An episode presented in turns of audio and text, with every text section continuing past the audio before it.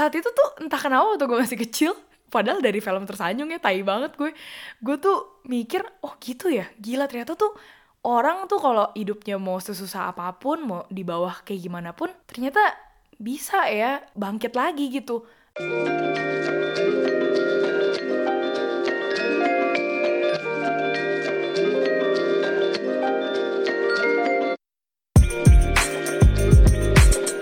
Nah hubungannya apa dari gue yang hampir nyerah waktu awal-awal nyampe Perth sama wajangan mbak gue saat uh, kita nonton tersanjung bareng. Nah itu lo dengerin aja episode ini sampai habis biar tahu alur cerita yang cukup absurd tapi tetap mendidik untuk gue. Sebelum kita ngegas, gue mau ceritain dulu tentang masa-masa awal sebelum gue langsung nyampe ke Perth. Jadi uh, gue kan sebelum ke Perth itu dan memutuskan bahwa gue mau ke Australia, um, gue tuh uh, research lah sama bokap gue dan juga agen pendidikan yang udah kita pilih gitu. Nah waktu itu tuh pilihannya uh, pertamanya ada di Amrik. Tapi bokap gue nggak setuju saat itu untuk gue sekolah ke Amrik karena itu jauh banget. Dan dia bilang kalau misalnya keluarga ada kenapa-napa, lu ntar bakalan ribet sendiri balik gitu. Ya udah akhirnya uh, eh, gue bilang Kanada. Ya ini namanya modus teman-teman. Karena mantan gue ada di Kanada gitu. Habis itu bokap nyokap gue langsung bilang ah lu ke Kanada ntar lu melepas rindu kan sama mantan eh kebablasan pulang-pulang ntar berbadan dua lu jadi nggak sekolah ya udah baik juga tuh bijak bijak akhirnya uh, jatuhlah kita mengerucut opsinya ke Malaysia sama Australia karena Malaysia harganya uh, lebih murah kan daripada Australia. Tapi ya dua-duanya masih bisa ngomong Inggris dan juga dekat lokasinya. Singkat cerita, bokap gue akhirnya memutuskan untuk uh, bilang dia mampu sekolahin gue ke Australia. Ya udah, jadi sejak keputusan itu makin sering lah gue, uh, bokap gue, dan juga si om agen pendidikan itu menjalani konferensi meja bundar setiap minggunya. Jadi pilih sekolah, terus kasih tahu sistem pendidikannya kayak gimana, bla bla bla bla bla bla. Anyway, uh, Melbourne coret, Sydney coret. Soalnya itu kata si omnya, wah kamu nanti nggak belajar sana, jadinya party-party doang. Pilih yang lebih sepi. Gue pikir kan tahun 2009 tuh uh, blognya si Raditya Dika sama bukunya itu kan booming banget. Dan dia kan dulu sekolah di Adelaide. Jadi gue pikir wah gila kayak kalau gue kayak Adelaide hidup gue bakal random dan seru gitu kali ya kayak si Radit habis itu uh, si omnya bilang yakin kamu mau ke Adelaide? Iya iya iya iya akhirnya uh, pas gue udah apply buat Adelaide Nah taunya beberapa bulan kemudian si Om bilang kalau uh, rata-rata tuh aplikasi untuk kampus itu udah pada nggak terima lagi, kayak udah full. Ya udah nih ada satu kota yang uh, kagak sepi-sepi amat dari Adelaide tapi oke okay lah terkenal juga kayak kota pelajar. Namanya Perth. Ya udahlah, gue pikir apaan tuh Perth kan gue nggak pernah dengar. Udah gue yayain aja yang penting gue bisa sekolah ke luar negeri. Gue cuma mikir itu doang. Udah ngurusin paspor, ngurusin izin dokumen segala macem Terus uh, kepentok lah gue dengan hasil tes bahasa Inggris. Karena gue kan bukan dari sekolah internasional. Jadi itu gue dari sekolah swasta. Dan uh, kalau misalnya lu dari sekolah swasta itu ada beberapa opsi. Salah satunya adalah lu harus tes IELTS dan lu mesti pass a certain apa ya nilai lah gitu kan buat lu masuk. Nah, gue tuh saat itu udah denger desas-desusnya bahwa IELTS sama TOEFL tuh kan susah ya. Apalagi gue kan bukan sekolah internasional dan bahasa Inggris tuh gue uh, belajar memang, tapi gue nggak yang lancar-lancar gimana banget, nggak biasa lah gitu dengerin itu sehari-hari di sekolah. Akhirnya uh, si Om tahu sama kegelisahan gue yang itu si Om bilang ini, ya udah Om ada pilihan lain kalau misalnya kamu nggak mau ngelewatin tes IELTS. Ya gue makin tertarik dong, gue tanya lah ke si om, apaan tuh om? Nah ini namanya fondasi program untuk masuk ke kampus-kampus di Western Australia. Jadi kalau misalnya kamu nggak dari sekolah internasional atau kamu nggak punya uh, result di IELTS, kamu bisa ngejalanin 6 bulan semacam kayak high school lah ya. Uh, tapi high schoolnya itu high school di sekolah uh, negerinya Perth, namanya Tuart College. Nah, si Tuart College ini uh, bekerja sama dengan beberapa university di Perth. Itu tuh ada 4 atau 5 university lah. Nah, kalau misalnya kamu uh, ke sana, kamu tuh nggak perlu ngelewatin IELTS karena di salah satu subjeknya itu ada subjek bahasa Inggris. Yang penting pokoknya kamu lulus di subjek bahasa Inggris itu ya udah kamu bisa tuh masuk ke uh, kampus mana pun ya udah dong gue langsung tertarik dan gue pikir alah cuma belajar bahasa Inggris doang kan 6 bulan gitu kan di sekolah sama gue kan juga pasti bisa lah pilih-pilih jurusan yang gue mau dan gue suka gitu mata pelajarannya di SMA ya udah akhirnya kita deal sama si program itu yang nama lengkapnya adalah Western Australia University Foundation Program atau kalau disingkat WAFP. Nah, lu ingetin nih detail ini ya. WAFP 6 bulan Udah, lu ingetin dulu, karena penting nih.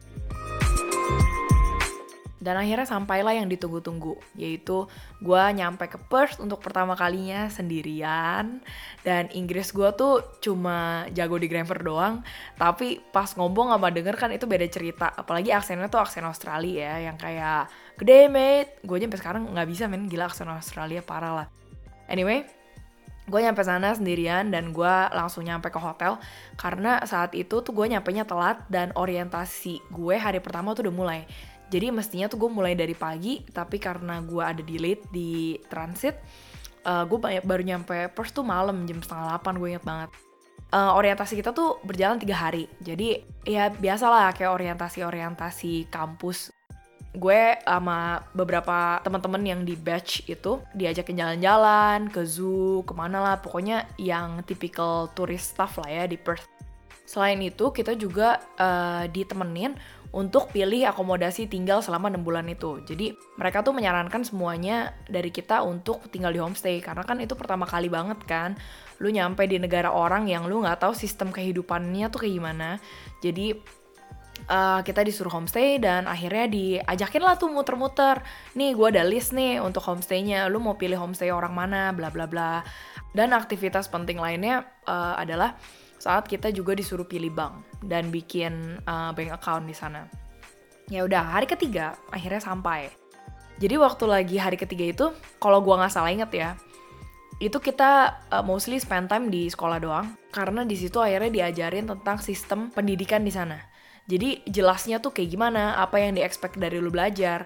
Dan gue tuh inget waktu kita masuk ke satu presentasi gitu tentang si kelas bahasa Inggris ini nih yang si om agen gue bilang gue mesti ngelewatin ini untuk masuk kampus. Gue pikir kan ini bahasa Inggrisnya tuh kelasnya tuh cuma ngurusin grammar doang kan kayak di Indo gitu. Ya gue pikir ya udahlah gampang grammar doang gitu.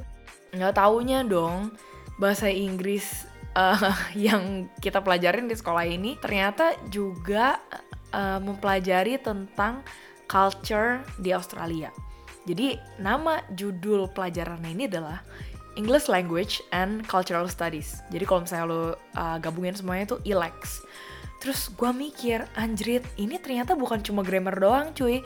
Tapi lu tuh mesti nulis banyak banget esai, kayak argumentative essay gitu. Dan uh, ngebahas tentang what do you think about the culture in Australia? Jadi kayak dikasih topik lah. Abis itu juga selain culture tuh gue inget kita ngomongin tentang uh, social issues di Australia. Jadi misalnya tentang isu sama um, native people di sana yang Aboriginal communities.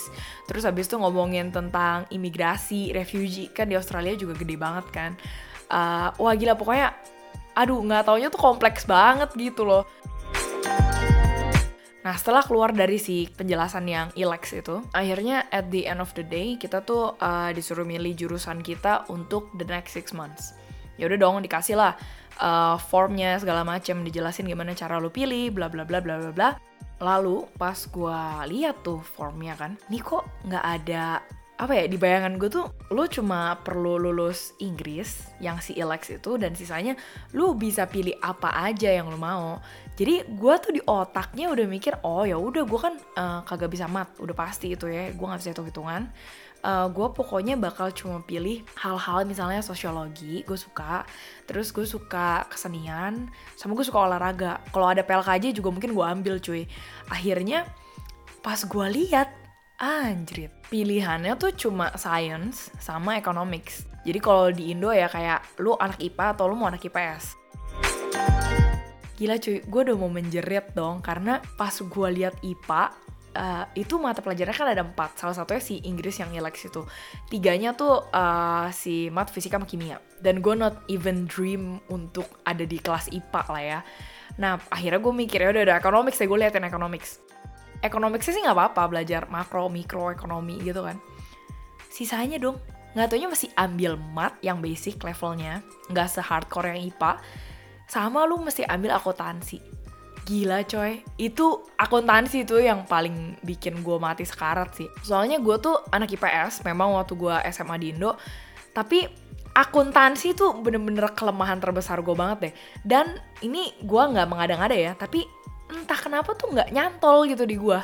Pakai Indo aja, gue tuh selalu nilainya parah banget kayak 20, 30. Terus gue tuh selama 3 tahun SMA selalu nyontek. Dan di kelas ini tuh udah nggak udah gak mungkin banget lah gue untuk bisa nyontek gitu.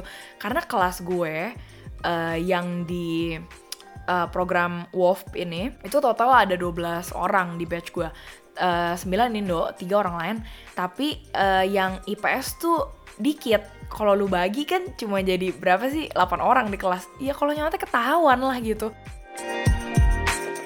Nah akhirnya mau gak mau ya gue mesti pilih IPS lah walaupun gue buta banget sama akun kan. Aduh pokoknya setelah gue ngisi form itu gue baru bener-bener menyadari bahwa anjrit ini sih gue kelulus banget nih. Ini pasti some shit will happen sooner or later. Nah sampailah kita kepada klimaks cerita. Uh, sebulan berjalan, hari demi hari tuh gue observasi ini kenapa gue doang yang paling clueless ya di kelas. Jadi uh, gue tuh inget ya waktu minggu pertama kita ngejalanin uh, si program itu teman-teman gue tuh ada lah pasti yang nanya gitu kan Inggrisnya tuh apa sih ini gitu-gitu segala macem tapi overall apa ya logic flow dari pelajaran akuntansi itu dan economics dan math itu teman-teman gue lancar banget. Mostly lah semuanya pada kayak oh iya yeah, gue gua ngerti deh. Cuma nggak ngerti bahasa Inggrisnya aja kan translatannya kan uh, totally different kan. Dan selama kita belajar tuh gue mikir ini nggak mungkin deh gue segoblok ini gitu. Gue memang tidak terlalu berprestasi akademiknya waktu lagi di Indo cuma nggak mungkin nih gue sampai setolol ini gue nggak paham gitu kan.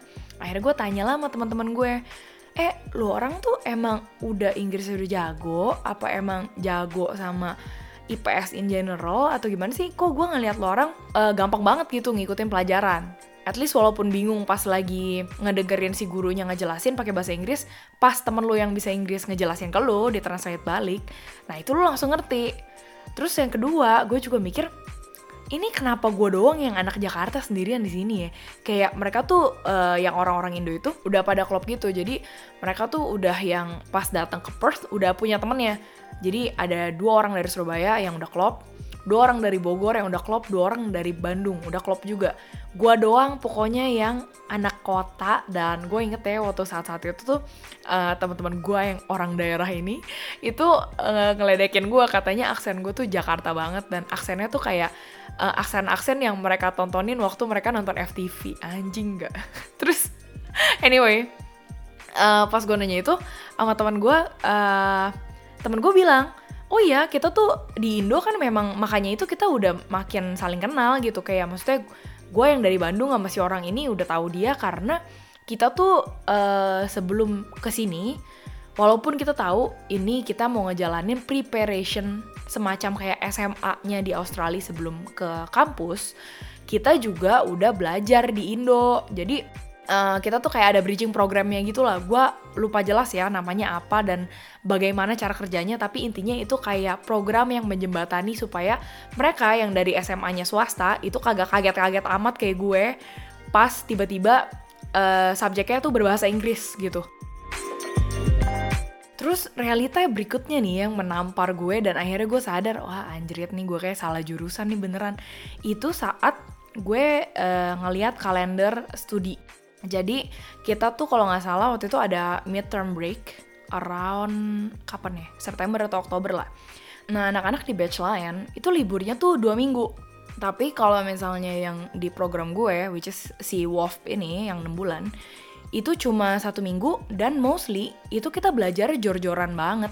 Jadi selama 6 bulan tuh dari Senin sampai Jumat kita ada kelas dan kelasnya itu startnya lumayan pagi. Dari jam ada yang jam 8 ada yang 8.30 ada yang jam 9 sampai sore. Bahkan tuh ada yang sampai jam 5 atau 6 sore lah gue lupa. Pokoknya lumayan hardcore gitu kan.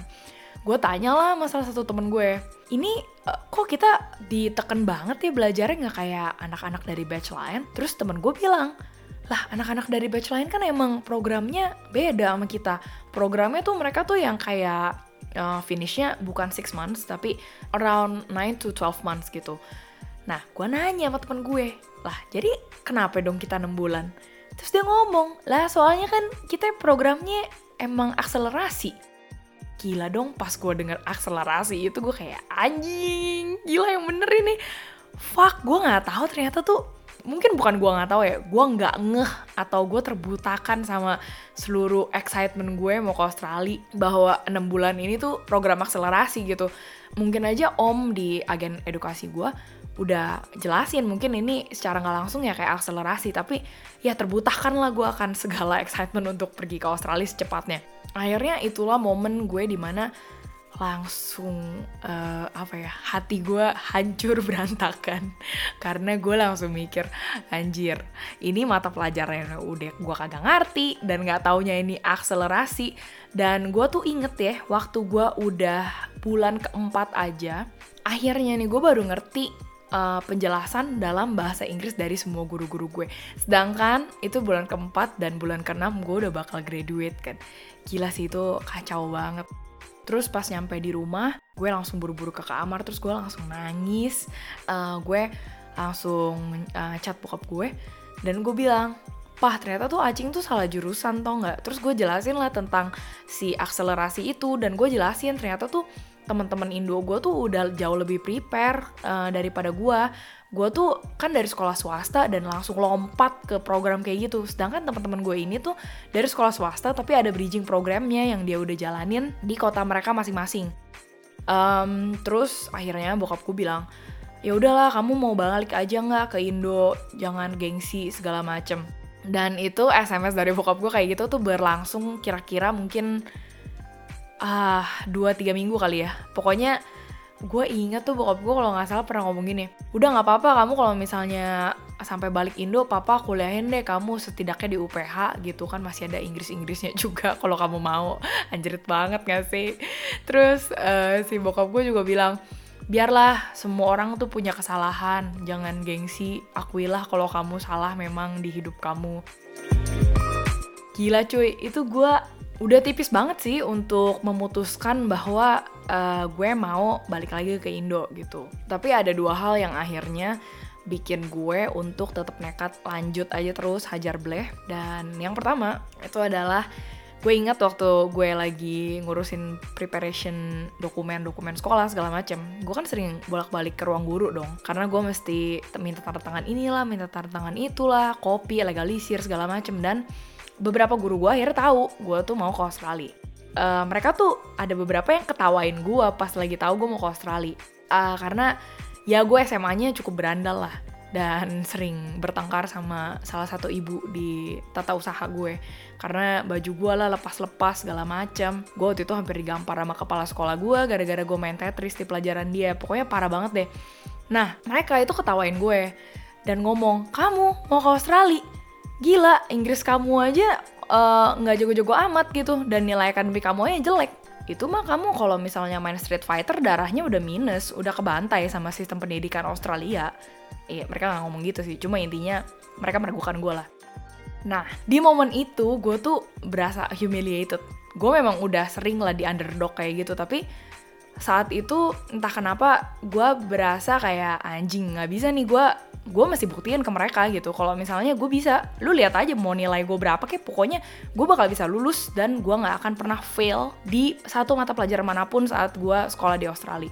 Nah yang kedua inilah di mana sinetron tersanjung menyelamatkan hidup gue. Jadi uh, waktu itu gue lagi di kamar sendirian, merenung, nangis, ingusan, hujan-hujan.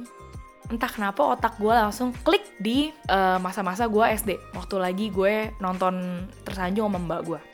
ada satu scene di Tersanjung di mana si Lulu Tobing, pemeran utamanya, itu kejebur di danau.